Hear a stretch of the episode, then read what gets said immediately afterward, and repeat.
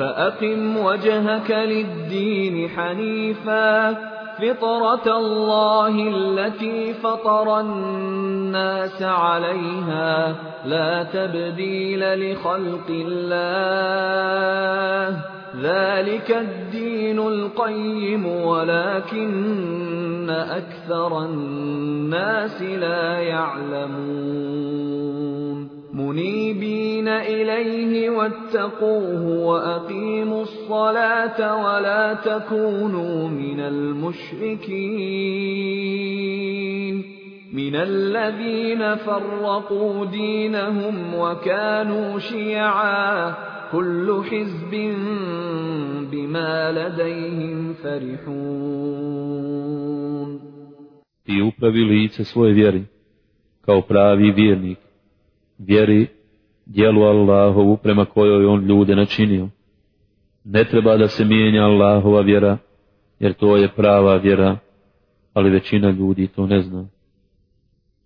Obraćajući mu se predano, bojte se njega i obavljajte molitvu. I ne budite od onih koji mu druge rani smatraju, od onih koji su vjeru svoju razbili i u stranke se podijelili, svaka stranka zadovoljna onim što ispovjeda. اليوم أثملت لكم دينكم وأثملت عليكم نعمتي ورضيت لكم الإسلام دينا Sada sam vam vjeru vašu savršio i blagodat svoju prema vam upotpunio i zadovoljen sam da vam i sam bude vjera. Inna alhamdulillah, نحمده ونستعينه ونستغفره ونعوذ به من شرور أنفسنا ومن سيئات أعمالنا. من يهدي الله فهو المهتدي ومن يضلل فأولئك هم الخاسرون. وأشهد أن لا إله إلا الله وحده لا شريك له وأشهد أن محمدا عبده ونبيه ورسوله وصفيه من خلقه وخليله. أدى الأمانة وبلغ الرسالة. ونصح الأمة وكشف الله تعالى به الغمة وجاهد في الله حق جهاده حتى أتاه اليقين. يا أيها الذين آمنوا اتقوا الله حق تقاته ولا تموتن إلا وأنتم مسلمون. يا أيها الناس اتقوا ربكم الذي خلقكم من نفس واحدة وخلق منها زوجها وبث منهما رجالا كثيرا ونساء واتقوا الله الذي تساءلون به والأرحام. إن الله كان عليكم رقيبا. يا أيها الذين آمنوا اتقوا الله وقولوا قولا سديدا. يصلح لكم أعمالكم ويغفر لكم ذنوبكم. ومن يطع الله ورسوله فقد فاز فوزا عظيما. أما بعد فإن أحسن الكلام كلام الله وخير الهدي هدي محمد صلى الله عليه وسلم وشر الأمور محدثاتها وكل محدثة بدعة وكل بدعة ضلالة وكل ضلالة في النار. Uzvišeni Allah tebarake wa ta'ala je objavio ljudima vjeru u potpunjenu, savršenu, prirodnu i čovjekova duša i njegova fitra prihvata takvu vjeru. I ne prihvata čovjekova duša bilo kakve izmjene da se čine u vjeri. To je priroda čovjeka. Da čovjek teži i voli ono originalno, ono izborno, a ne voli ono što je natrunjeno, ono što je poprimilo prinje se ili boje, ne voli ono što nije došlo sa izbora.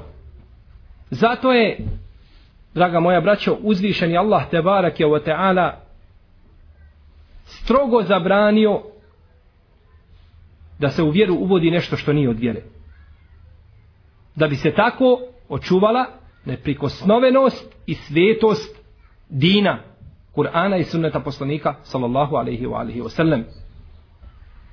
Jedan dio islamskih učenjaka ne pravi razliku između onoga koji izbaci nešto iz vjere i onoga koji uvede u nešto u vjeru.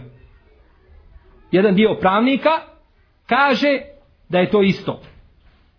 Da su ta dva postupka pogredna i ne prave razliku između onoga koji umrtvi nešto od vjere ili onoga koji uvede nešto u vjeru što nije u osnovi od vjere.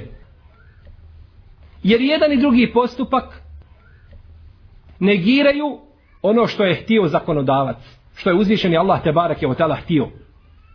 Pa se time ili izbaci ono što je propisano i što je legitimno, ili se uvede nešto što nije propisano i nije i nije legitimno. Kada govorimo o bidatima i novotarijama, neophodno je da spomenemo ashabe poslanika sallallahu alaihi wasallame i da vidimo kako su se oni to suprostavljali bidatima i novotarijama. Kako su se oni borili protiv bidata i kako su se oni borili protiv novotarija. Imamo bidat koji se zove bidatun haqiqije. Stvarni istinski bidat. Ovako je podijelio bidate imam Ešaltivi. U svome dijelu Elijate sam. I u drugim dijelima. Pa kaže bidatun haqiqije, ta stvarna novotarija je ona novotarija koja se uvede u vjeru, a nema svoje osnove. Nikako nema svoje osnove. Kao da čovjek klanja, na primjer, u ređepu neke posebne namaze u noćima ređepa. Ili u drugoj polovini šabana. Ili u noći Isra i Mi'rađa da klanja posebne namaze te večeri. To je bid'atun haqiqije, istinski bid'at. Temeljni bid'at koji je uveden, a nema svoje osnove u vjeri. Jer nema noć, noći u Ređepu, nisu odlikovane posebnim ibadetom i posebnim namazom. Ima noćni namaz koji je kako za noći Ređepa, tako za sve druge noći u godini. Ali nema namaza koji je poseban za Ređep ili poseban za Šaban i tako dalje.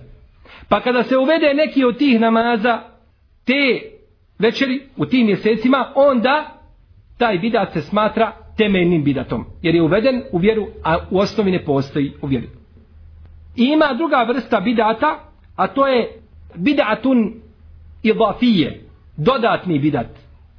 Bidat koji je uveden na neku stvar koja je imala svoj temelj i svoju osnovu u vjeri.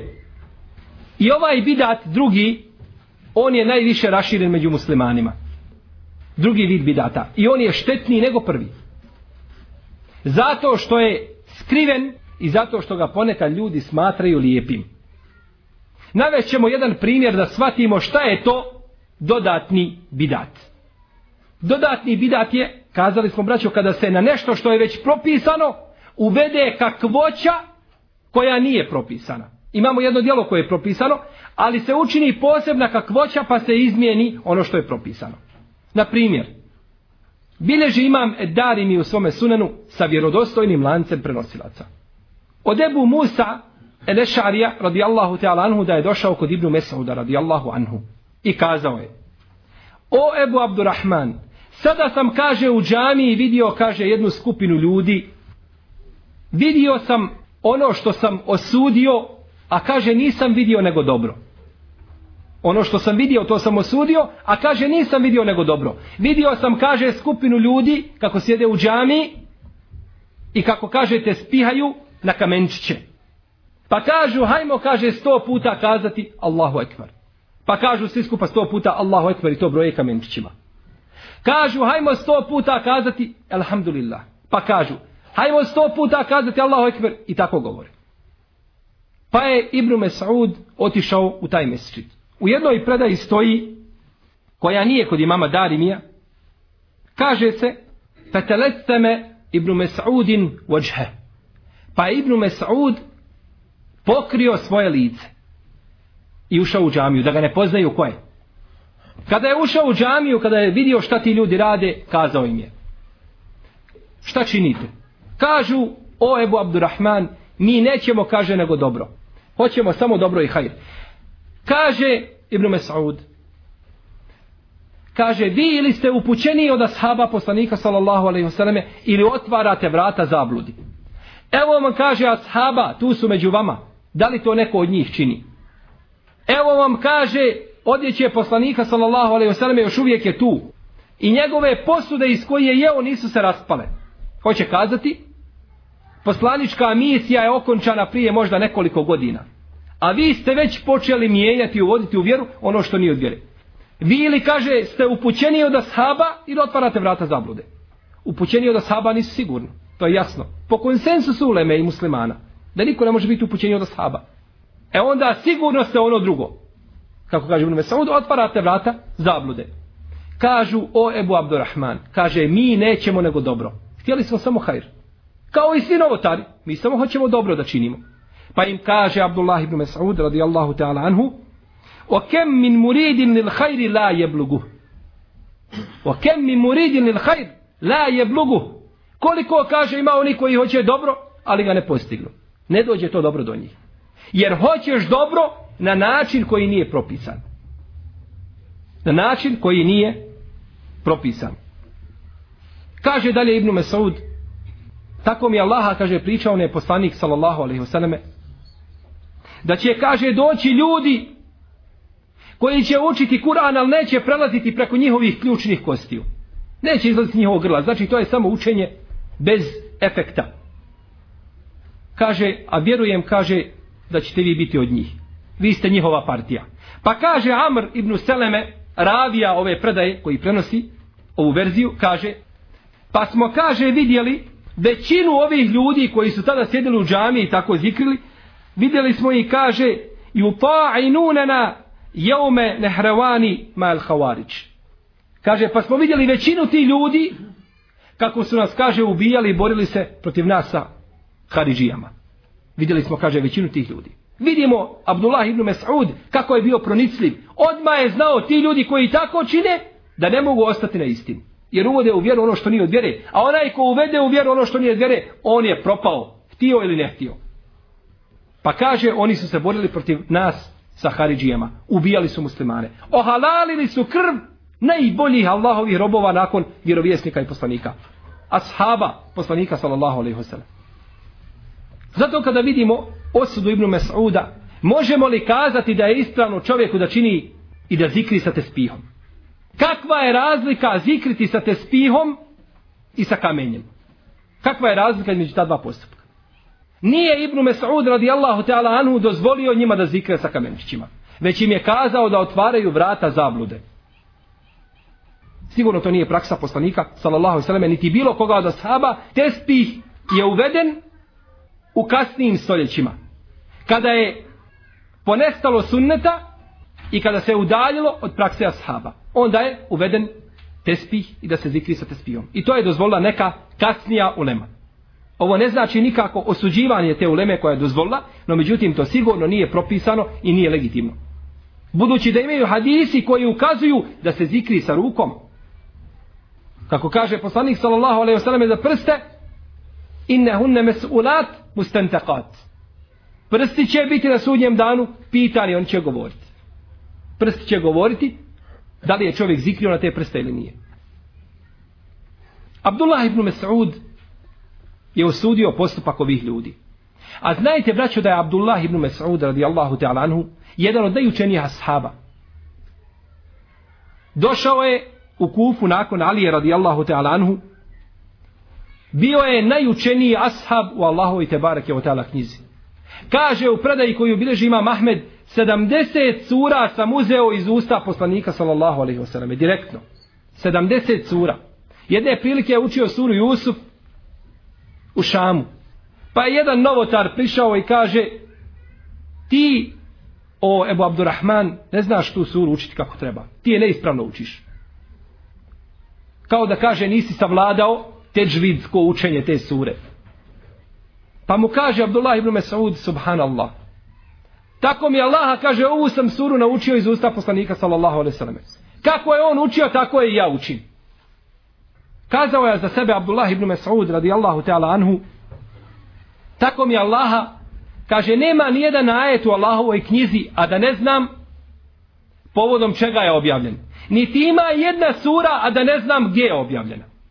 I tako mi Allaha da znam nekoga koji je učeniji od mene u Allahovoj Đelešanu knjizi, a da mu se može prići, ja bih odsedlao jahalicu i otišao da se poučavam tom znanju. Samo da mu se može doći. Gdje god da bio na Dunjaluku, na devi bih ošao da se poučavam tom znanju. Ovu predaju bilježe Buharija i Muslim. U predaji kod muslima kaže Šekik, deseta ashaba poslanika sallallahu alaihi sallam je sjedilo u toj halki. I nijedan nije osudio riječ Ibn Mesauda. Znači bilo je poznato kod ashaba da Ibn Mesud najučeniji ashab u Allahu i Đelešanu knjizi. Svakako, tu je Ibn Abbas, kome je poslanik sallallahu sallam činio dovu, no međutim ovdje govorimo, kada govorimo o vrlinama Ibn Mes'uda, onda spominjemo znači ove, ove predaje. Bileže Buharija i muslim od Abdullaha ibn Amra da je rekao, kaže tako mi Allaha, Abdullaha ibn Mesauda sam zavolio, kaže, najvećom ljubavlju, nakon što sam čuo poslanika, sallallahu alaihi vseleme, kaže, uzimajte Kur'an od četvorice. Pa je rekao, prvo od Abdullaha ibn Mesauda. Kaže, i prvog je njega spomenuo.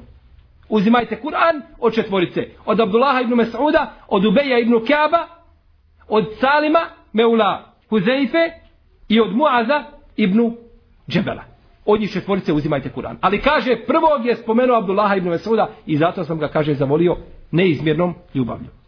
No međutim, i pored toga, pored znači ovoga svega, Abdullah ibn Mesud je osudio, je osudio postupak ljudi koji su zikrili sa kamenčićima. Zbog toga je, braćo, ovaj bidat nazvan bidatun idafije, dodatni bidat. Zašto? Zato što je zikr propisan.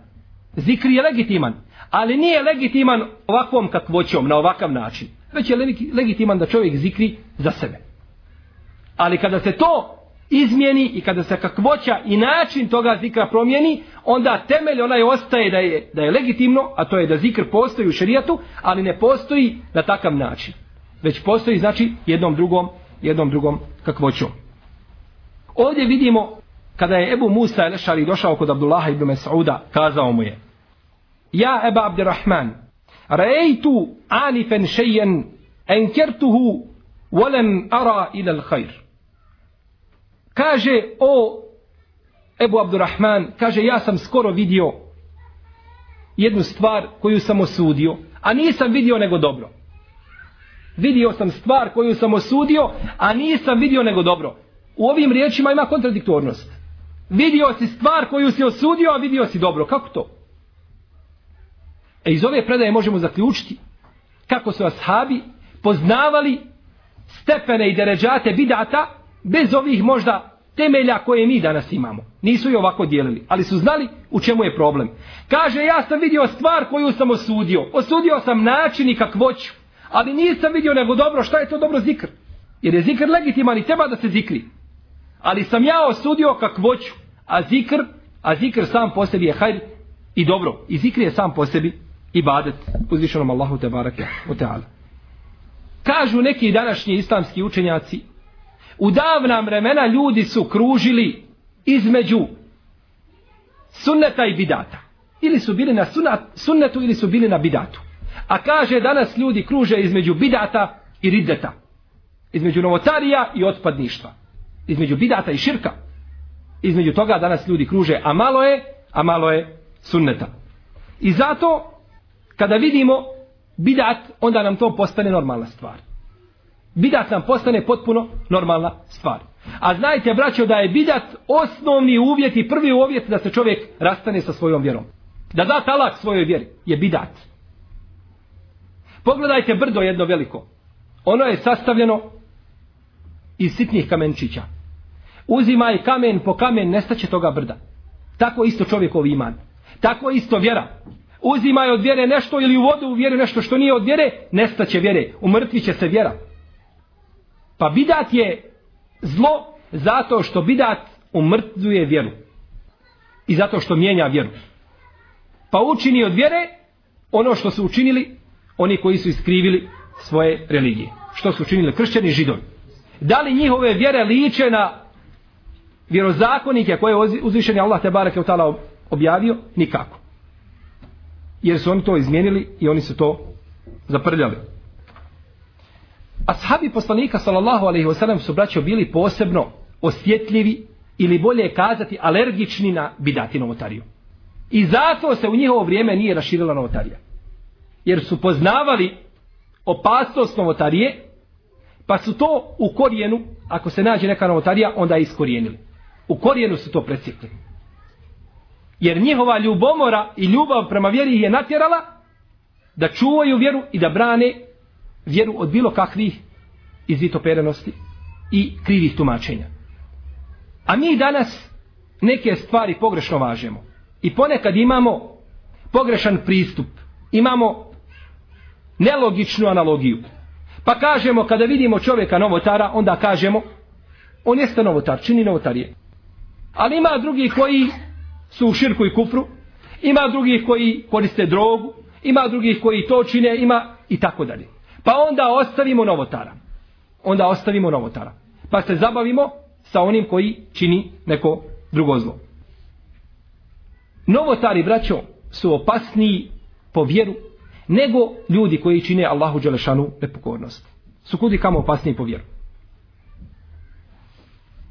Poslanik sallallahu alejhi ve selleme kada kaže ljudima da zikre na prste ili je poslanik sallallahu alejhi ve činio zikr činio je sa vrhovima svojih prstiju. Neko zikri ovako. To je pogrešno. Tako se ne zikri. Nego se zikri sa vrhovima prstiju.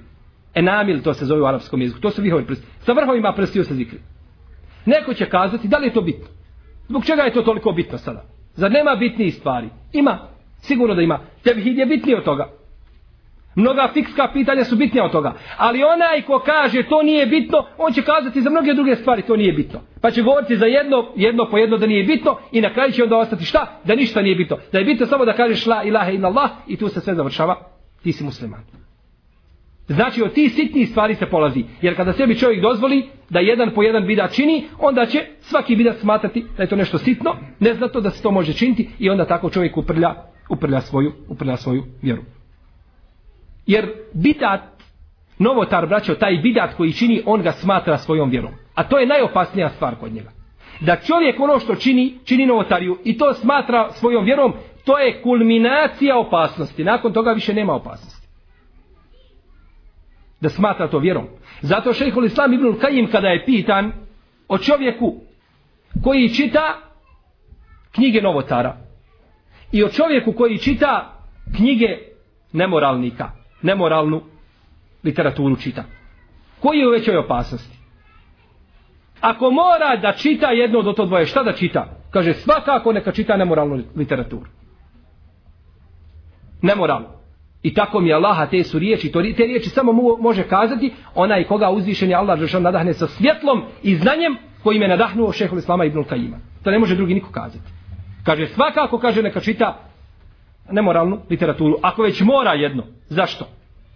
Jer braćo čovjek koji čita literaturu koja je nemoralnog karaktera, on se krije kada to čini. Nikad to neće činiti javno. Našto ako je čovjek musliman koji klanja i tako dalje da se stidi muslimana, onda se sakrije negdje u neku špilju i čita to da ga niko ne vidi i krije se. Da čuje bilo kakav zvuk odakle, zatvorit će to i staviti negdje, sakriti to i tako da jer se stidi. Jer zna da čini Allahu Đelešanu šta? Nepokornost. Zna da je nepokoran Allahu Đelešanu. I samo je očekivati dan kada će Allah Đelešanu dati tome čovjeku da se vrati na istinu i da se pokaje od zla koje čini. No međutim čovjek braćo koji čini bidat i novotariju, on se nikada Allahu neće pokajati. Zašto? Zato što on bidat smatra vjerom. On obožava Allaha. Kako da se ja Allahu kajem od namaza koji čini? Čovjek čini namaz, obavlja namaz i da dođe da Allahu Đelšanu kaje se zbog namaza koji čini. Ja samo mogu Allahu Đelšanu moliti da mi primi moj namaz. A nikako se neću kajati da mi da mi oprosti to što sam činio. Jer smatram da je to vjera. E tako novotar. Kada praktikuje ono što nije od vjere, on moli Allaha Đelšanu da primi njegov ibadet. I nikada se neće pokajati od novotarije. E u tome je opasnost novotarije. Pa vidimo čovjek koji je nepokoran i ovaj drugi koji je čitao literaturu koja je nemoralna, da će se on pokajati Allahu Đelešanu. I zna da je griješnik. Uvijek zna da je griješnik. A onaj koji čita knjige novotara i praktikuje novotarije i uči se novotarijama, on se nikada neće pokajati. Jer smatra da nije griješnik, jer smatra da je neistini i na haku i da obožava Allaha Đelešanu onako kako je uzvišeni Allah te barake o teala htio.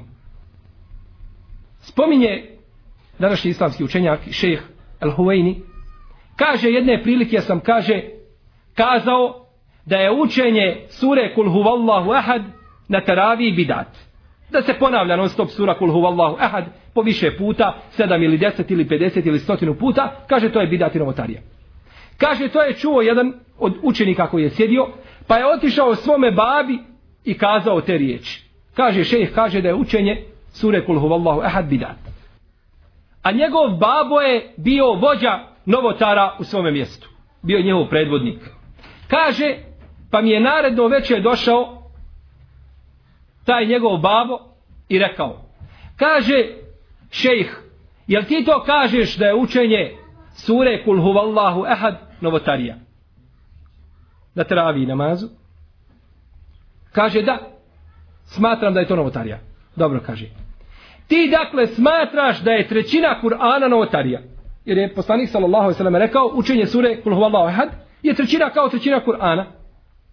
Kaže znači ti smatraš da je učenje trećine Kur'ana novotarija. Vidite braćo kako novotari pristupaju i kakvim riječima prilaze. Kaže u redu. Da ja tebe kaže pitam nešto drugo. Kaže kada ti kihneš šta kažeš? Kaže kažem alhamdulillah. Kaže dobro, zašto ne kažeš Alhamdulillah wassalatu wassalamu ala Rasulillah? Zbog čega ne doneseš salavat na poslanika sallallahu alaihi wasallam? Kaže zato što to nije došlo od poslanika alaihi salatu wasalam. Nije on tako činio. Pa kaže ni ovo poslanik sallallahu alaihi wasallam nije činio. Kaže pa me je pogledao i rekao, kaže znači ti tvrdiš da sam ja 60 godina u dalaletu. Znači 60 godina da ja praktikujem nešto što nije od vjere. Vidite, braćo, kako čovjek, kako čovjek nije spreman da prihvati vjeru. Mjesto da kaže hvala Allahu Đelešanu koji mi je poslao čovjeka koji će mi ukazati na ono što nisam znao. Da se zahvali Allahu Đeršanu što ima neko da mu ukaže na istinu i na pravi put, on kaže, dakle, to što ti tumačiš i to što ti govoriš, to znači da sam ja 60 godina neispravno praktikovao svoju vjeru. Zato, braćo, kažemo da je bidat gori od nepokornosti Allahu Đelešanu. Pa je gori čovjek koji praktikuje bidate od onoga koji pije alkohol. I od onoga koji puši. I od onoga koji ubija. I od onoga koji krade. I od mnogih drugih ljudi koji čine prestupe. Gori je novotar. Jer novotar mijenja ljudima njihovu vjeru. Onaj ko pije alkohol ne mijenja ljudima vjeru. Svako zna da je alkohol zabranjen. I svako govori da je alkohol zabranjen. I otaj koji pije on zna da je alkohol zabranjen. Onaj koji puši zna da je pušenje štetno. Doktora kada pitaš koji puši, kaže nemoj ti pušiti.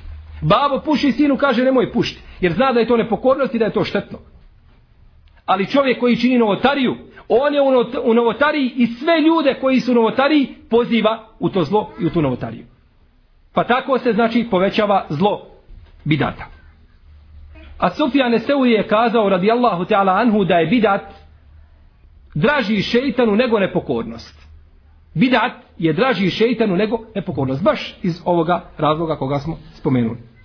Bileži ima muslim u svome sahihu od Džabira radijallahu ta'ala anhu da je rekao kazao je poslanik sallallahu alejhi ve selleme Iblis je kaže postavio svoj arš na vodi pa kaže tu dolaze njegovi sledbenici pa ih on obračunava pita jednog po jednog šta si danas uradio kakvo si zlo ljudima učinio Pa dođe jedan kaže, toga sam i toga naveo da pije alkohol. Toga sam i toga učinio da ne mora učini. Kaže, dobro, idi, idi, kaže. Dođe treći, kaže, to i to, kaže, idi, idi. Dođe četvrti, kaže, nisam ga, kaže, pustio dok se nije razveo sa svojom ženom. Kaže poslanik, sallallahu sallam, u ovoj predaji, fe je kum, fe ju anikuhu, je kul, ente, ente, ni'me ent. Kaže, pa mu šeitan ustane, ustane mu šeitan sa svoga mjesta, sa svoga prestola, pa ga zagrli onu muaneku, kao što muslimani čine kad jedan drugog ne vidje dugo vremena, ili kad se neko vrati sa puta, zagrli ga i kaže ti, ti, ti si pravi.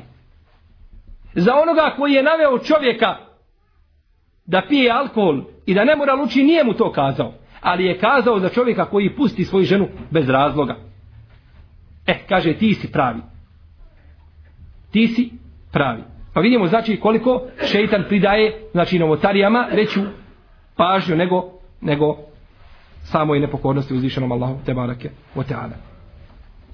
Ovo isto potvrđuje ovo što smo kazali priča El Džada ibn Dirhema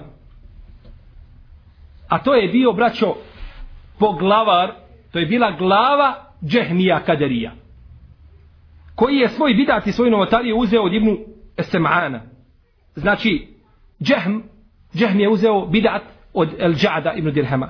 A El Džad ibn Dirhem je uzeo od Ibn Sem'ana. A Ibn Sem'an je uzeo od Kaluta, a Kalut je uzeo od Ibn El Asema, onoga židova koji je opsihrio poslanika sallallahu sallam. Pogledajte tama, kako kaže Allah te barek utala, zulumatun ba'duha fauka ba'd. To su tame jedna preko drugi. Ne zna se koji je gori. Jedan od drugog. Bidat prenosili. Jer sledbenici sunneta prenose sunnet poslanika sallallahu alejhi ve selleme, A bidati novotarije prenose novotari jedni od drugih. Pa je uzeo El Džad, ovaj bidat od Ibnu Semana, i govorio je da Allah Đelešanu nije pričao sa Musaom a.s. nije pričao sa Musaom a.s. niti je uzeo Ibrahima za Halila za svoga druga. Allah Teala kaže وَكَلَّمَ اللَّهُ مُوسَ تَكْلِيمًا I Allah Đelešanu je u istinu pričao sa Musaom. وَتَحَذَ اللَّهُ إِبْرَاهِيمَ خَلِيلًا I Allah Đelešanu je uzeo Ibrahima za Halila. Allah Đelešanu kaže pričao sam sa Musaom a.s. I kaže, uzeo sam Ibrahima za Halila i dođe onda ovaj novotar i kaže, nisi gospodaru, niti si pričao sa njim, niti si ga uzeo za Halila. Ima li veći dalalet i veća novotarija nakon ovoga i veća zabluda? Zašto? Zašto? Šta ga je to navelo da porekne ove ajete? Kaže, kada bismo kazali da je Allah Đelešanu pričao, znači Allah Đelešanu mora imati dvije usne, mora imati jezik, mora imati usta, mora imati zube, jer to je sve govorni aparat, jer ne može drugačije pričati. A Allah Želešanu je čisto toga. Ne može Allah Želešanu ličiti nikome od njegovih stvorenja. Pa kaže, Allah Želešanu ne govori, niti čuje, niti vidi, pa je porekao sva svojstva uzvišenog Allaha te bar Pa je ispao čovjek bolji od Allaha. Jer čovjek i vidi, i čuje, i razmišlja, Allah Želešanu kod nje nema ništa. Hoće Allahu Želešanu dobro, pa učine zlo i novotariju da ne može biti veća. Kao neki novotari što kažu, kada govore o Allahu, o Allahu te barak je ta'ala hoće da ga pohvale, kažu Allah Đelšanu nije, kaže, ni čovjek, niti je divljač, niti je ovo, niti je ono. Na kraju dođu da Allah nije ni nečist, da Allah nije to ni... Tako hvale Allaha Đelšanu. Kada bi neko od nas došao nekom kralju, veziru i tako dalje kazao mu, ti nisi ko ekremekumullah, ko pas. Bili to bila pohvala za njega? Ne bi to bila pohvala. Samo to poređenje ružno. Kako može za Allaha Đelešanu kazati nije Allah Đelešanu divljač? Zar doliči i priliči muslimanu da tako govori o svome gospodaru te barake od E to je kada čovjek izgubi osnove i temelje ispravne akide, onda tako govori. Kaže Allah Đelešanu ništa to nije činio jer nema ništa od tih svojstava. Pa onda ispadne da je čovjek bolji i da ima potpunija svojstva od uzvišenog Allaha Azzevođela. Neki od njih kažu Allah Đelešanu samo gleda, kaže, na svoje robove šta čine. On nema udjela i nema utjecaja na zemlji. Pa onda navede primjer, čuo sam jednog od tih kako navodi primjer, doktor šarijata. Da Bog da nije doktor šarijata. Kaže, primjer toga je, kaže, kao primjer, kaže, spikera na futbalskoj utakmici. On kaže sjedi negdje na visini ili na nizini i samo obavještava šta se dešava. Ali on nema udjela. On ne može od ozga pomjeriti loptu ni lijevo ni desno. Niti može faul napraviti tako dalje. On samo sjedi. E tako Allah žalus. Nauzu billah. Sjedi i posmatra šta se dešava. A nema udjela on među svojim robovima. Pogledajte, braću novotarija, možda će neko kazati, pa nije novotarija je sitna, ali pogledajte do koji stepena novotarija dovede čovjeka. Pa dovede čovjeka do stepena da kaže Uomel kelbu wal hanziru ila ilahuna. Kaže, ni pas, ni svinja, to nije ništa nego naš gospodar. Koji kažu da se Allah žal sjedinio sa svim stvorovima i tako dalje. Onda sebe smatraju božanstvima i tako dalje. E, do, to, do tih stepeni čovjeka dovede novotarija da iziđe iz vjere kao što strela izlazi iz luka. A kada ih upitaš šta je Allah Đelešanu, gdje je Allah Đelešanu, ko je Allah Đelešanu, ništa ne znaju Allah. Gdje je Allah Žešanu kažu, nije, kažu, ni napred, ni nazad, ni lijevo, ni desno, ni gore, ni dole. Nije u svijetu, ni mimo svijeta. Nije u svijetu, ni mimo svijeta. Tako vam Allaha, kada bi vas, kada bi vas neko pitao da opišete nešto što ne postoji, Kako biste to opisali? Kazali biste, nije ni napred ni nazad, ni lijevo ni desno, ni gore ni dole, nije u svijetu ni mimo svijeta. E tako se opisuje, to je najprecizniji opis nečega što ne postoji. Madum, nema ga. E tako se ono pisalo Allaha Đelšanu. Kod nje Allah Đelšanu, uzvišeni Tebarak je otala, ne postoji.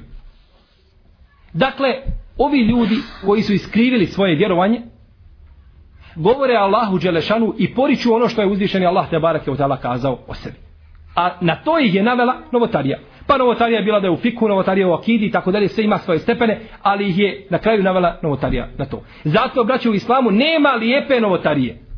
Nema lijepe novotarije u islamu. Svi koji hoće osnovati i dokazati legitimnost nekakve lijepe novotarije, njihovi dokazi su poput paukove mreže. Toliko su jaki. Ne vrijede. Dokazi poslanika sallallahu alejhi ve sellem u sunnetu ukazuju da nema lijepe novotarije. Wa kullu bid'atin dalale. A svaki bid'ati, svaka novotarija dalale. Temeli pravilo koje je poslanik sallallahu alejhi ve sellem postavio. Oni kažu, za ne, bi, ne bilježi imam Buharija u svome sahihu da je Omer radijallahu ta'ala anu ušao pa vidio ashabe kako su raštrkani pa iskupio iza jednog imama i kaže lijepe li kaže novotarije. Ovdje Omer radijallahu ta'ala anhu kada je govorio, on kaže ovdje novotarija u jezičkom smislu. Nešto novo što je napravljeno. A klanjati teraviju namaz nije novotarija, to je bilo vrijeme poslanika sallallahu alaihi sallam. U najvjerodostojnijim hadijskim zbirkama se navodi da je poslanik sallallahu alaihi sallam klanjao ashabima, da je klanjao njima teraviju namaz tri večeri. Pa četvrto večer kada se okupili, kada se poveo ćao broj, u nekim predajima da je mesčid već postao tjesan, nije poslanik sallallahu alaihi sallam htio izići. Zašto? Kaže, bojeći se da vam se ne propiše taj namaz. Znači, klanjao je poslanik sallallahu alaihi sallam teraviju ashabima. I Omer radijallahu anhu znao je zbog čega poslanik sallallahu alejhi ve selleme nije nastavio sa tim, bojeći se da se ne propiše. Kada je umro poslanik sallallahu alejhi ve selleme ne može više taj namaz biti propisan, znači možemo to činiti zajednički. Jednostavna stvar. Šta ćemo sa hadisom poslanika sallallahu alejhi ve selleme koga bilježi ima Muslim u kome Allahov poslanik alejhi salatu ve selam kaže Allah je prokleo onoga ko uvede notariju. Prokleo. Znate braće šta znači prokletstvo? Prokletstvo znači da Allah žele nekoga udalje od svoga rahmeta. Znači da ga vječno ostavi u džehennemu. To je prokletstvo. Zato čovjek nije nikako dozvoljeno da prokune svoga brata muslimana. Jer to znači dova protiv njega da ga Allah vječno u džehennemsku vatru baci. baci. Vječno. Šta znači onda ovaj hadis? Kažu, zar nema hadis u muslimovom sahihu? Da je poslanik sallallahu alaihi sallam rekao, men senne fil islami sunneten hasaneten, felehu eđruha u eđru men amile biha, el hadis. Kažu, za nije poslanik sallallahu alaihi sallam rekao, ko men senne, ko uvede jedan sunnet lijep u vjeru,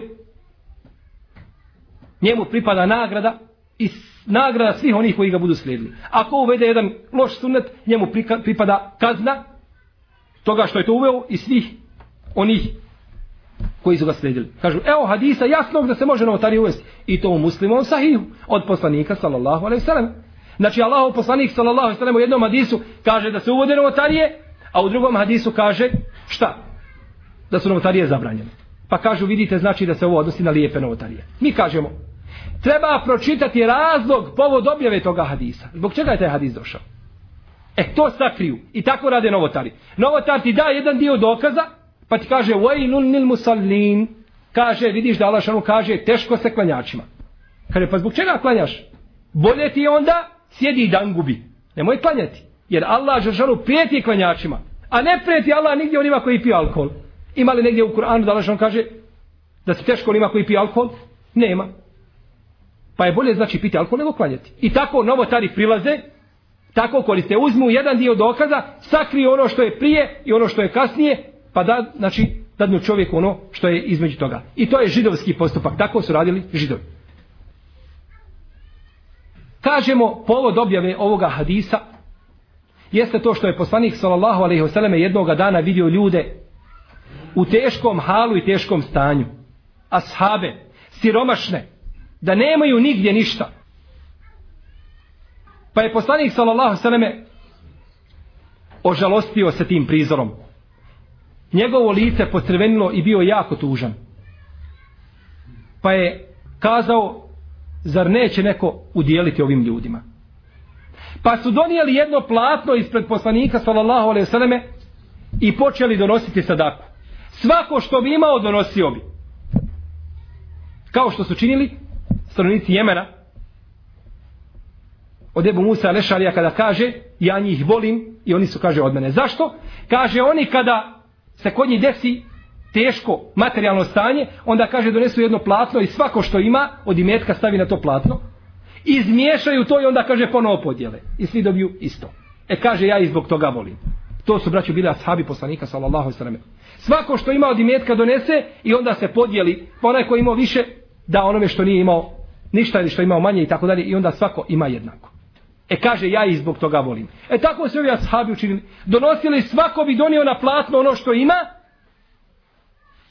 da se to dijeli kao sedaka. Pa kada je to poslanik sallallahu alejhi ve selleme vidio, kaže ravija hadisa osmijehnuo se i kazao ko uvede u islam neki lijep sunnet, njemu pripada, šta znači ko uvede u islam neki lijep sunnet? Znači ko oživi neki sunnet koji je umrtven bio. Jer sedaka, je to uvođenje sunneta koji nije bio prisutan, pa sadaka je propisana i Kur'anom, i sunnetom, i konsensusom islamskih pravnika. Šta znači ko uvede sunnet? Znači ko oživi sunnet koga su ljudi umrtili. Jer taj sunnet nije nešto novo da su ashabi uveli, nego su ashabi samo oživjeli ono što je bilo trenutno zamrlo ili zatajilo. Ništa više od toga. Ovo se navodi u jednoj predaji u kojoj se kaže ko oživi sunnet koga su ljudi umrtili. No, međutim, u toj predaji ima Mahana u njenom lancu prenosilaca i slabo mi je ocenio šeha Albani. Ali ovo značenje prethodnog hadisa jasno na to ukazuje da ashabi nisu uveli ništa novo. Zato treba uvijek pogledati povod objave hadisa zbog čega je objavljen neki hadis. Govorili smo ovdje, braćo, o El Džadu ibn Dirhemu, da je porekao riječi Allaha tebareke wa ta'ala o kellem Allahu Musa teklima i riječi uzvišenog od tehad Allahu Ibrahime Halila. Porekao je te riječi i smatrao je ovo svoje dijelo ibadetom Allahu tebareke wa ta'ala. U njegovo vrijeme je bio jedan islamski vladar koji se je zvao Halid ibn Abdillah. Halid ibn Abdillah. Koji je naredio da se ovaj El Džad ibn Dirhem uhapsi. Mogao je El Džad ibn Dirhem da se pokaje, da se pokaje Allahu te barake o teala zbog ovoga što je učinio nakon što su ga uhapsili. No međutim nije to učinio. Jer je smatrao ono što govori, smatrao je svojom vjerom. Pa je ostao uhapšen sve do Bajrama. Sve do Bajrama je ostao uhapšen u zatvoru. Kada je bio dan Bajrama, naredio je halifa da se dovede u džamiju. Pa ga je stavio kod Mimbara. Odmah uz Mimbar je stavio El Džada ibn Dirhema. A ovu predaju braća zabilježio imam El Lali Kjaji u svome dijelu Šerhu Sulili Atikad. I zabilježio je također imam Zehebi u Sijeru Alaminu Bela. I imam El Khatib El Bagdadi u svome dijelu Tarihu Bagdadi. I imam El Buharija u svome dijelu E Tarihu El Kebir. Svi su zabilježili ovu predaju i ona je poznata u Siriji, u istoriji. Kaže pa je naredio Halid ibn Abdillah da se stavi El Džad ibn Dirhem kod Mimbera. Kaže pa je izišao i držao ljudima hutbu. Kaže rekao je o ljudi Allah primio vaše žrtve vaše kurbane koje ćete prinositi a ja ću kaže za kurban prinijeti El Džada ibn Dirhema. Pa je sišao i zaklao ga na Mimberu. Zaklao ga na Mimberu. Pa je ulema nakon toga bila jako zahvalna Halidu ibn Abdullahu što je to učinio. Što je riješio ljude muslimane zla najvećeg novotara koji je bio sigurno u svoje vrijeme. Koji je ljudima prljao njihovu vjeru. Takav je zaklan kombimera. I ne znam da ikod islamski učenjaka osudio postupak ovoga halife. Jer sigurno takvi koji čine novotarije i ljudima prljaju njihovu akidu, ne zaslužuju ništa drugo nego da budu samo ubijeni. Dozvolio je uzvišeni Allah te barak je otala čovjeku da kaže riječi kufra kada je prisiljen na to. Ila men ukrije wa kalbuhu mutmainnun bil iman. Osim onoga koji je prisiljen, a njegovo srce ostaje čvrsto u vjeri. Povod objave ovoga ajeta bio je bio je Ammar ibn Jasir, koga su mušrici mučili i tražili da psuje poslanika sallallahu alejhi ve selleme i da o njemu pogrdno govori. Pa nije mogao više izdržati to, pa je govorio poslaniku sallallahu alejhi ve selleme ruže riječi i vrijeđao ga. Pa kada su ga pustili, došao je kod poslanika sallallahu alejhi ve selleme i rekao: "O Allahov poslanici, ja sam kazao tako i tako." Pa mu kaže Allahov poslanik alejhi salatu vesselam: "A kako si našao svoje srce?" Kakav je hal i kakvo je stanje tvoga srca? Pa je rekao, kaže, našao sam da je moje srce čvrsto i stabilno iman. To sam govorio što sam morao. Pa je poslanik sallallahu sallam rekao, kaže, ja amar, in adu fa'ud. In adu fa'ud. Ako se oni vrate da te ponovo muče i pate, i ti se kaže vrati govori ste riječ. Opet govori o meni pogrdno. Znači dozvoljeno ti to da govoriš jer si prisiljen. Jer si prisiljen da to, da to govoriš. Da mene psuješ, vrati se i čini to. A braćo, psovati i vrijeđati poslanika sallallahu alaihi sallam selleme grijeh zbog koga čovjek biva ubijan.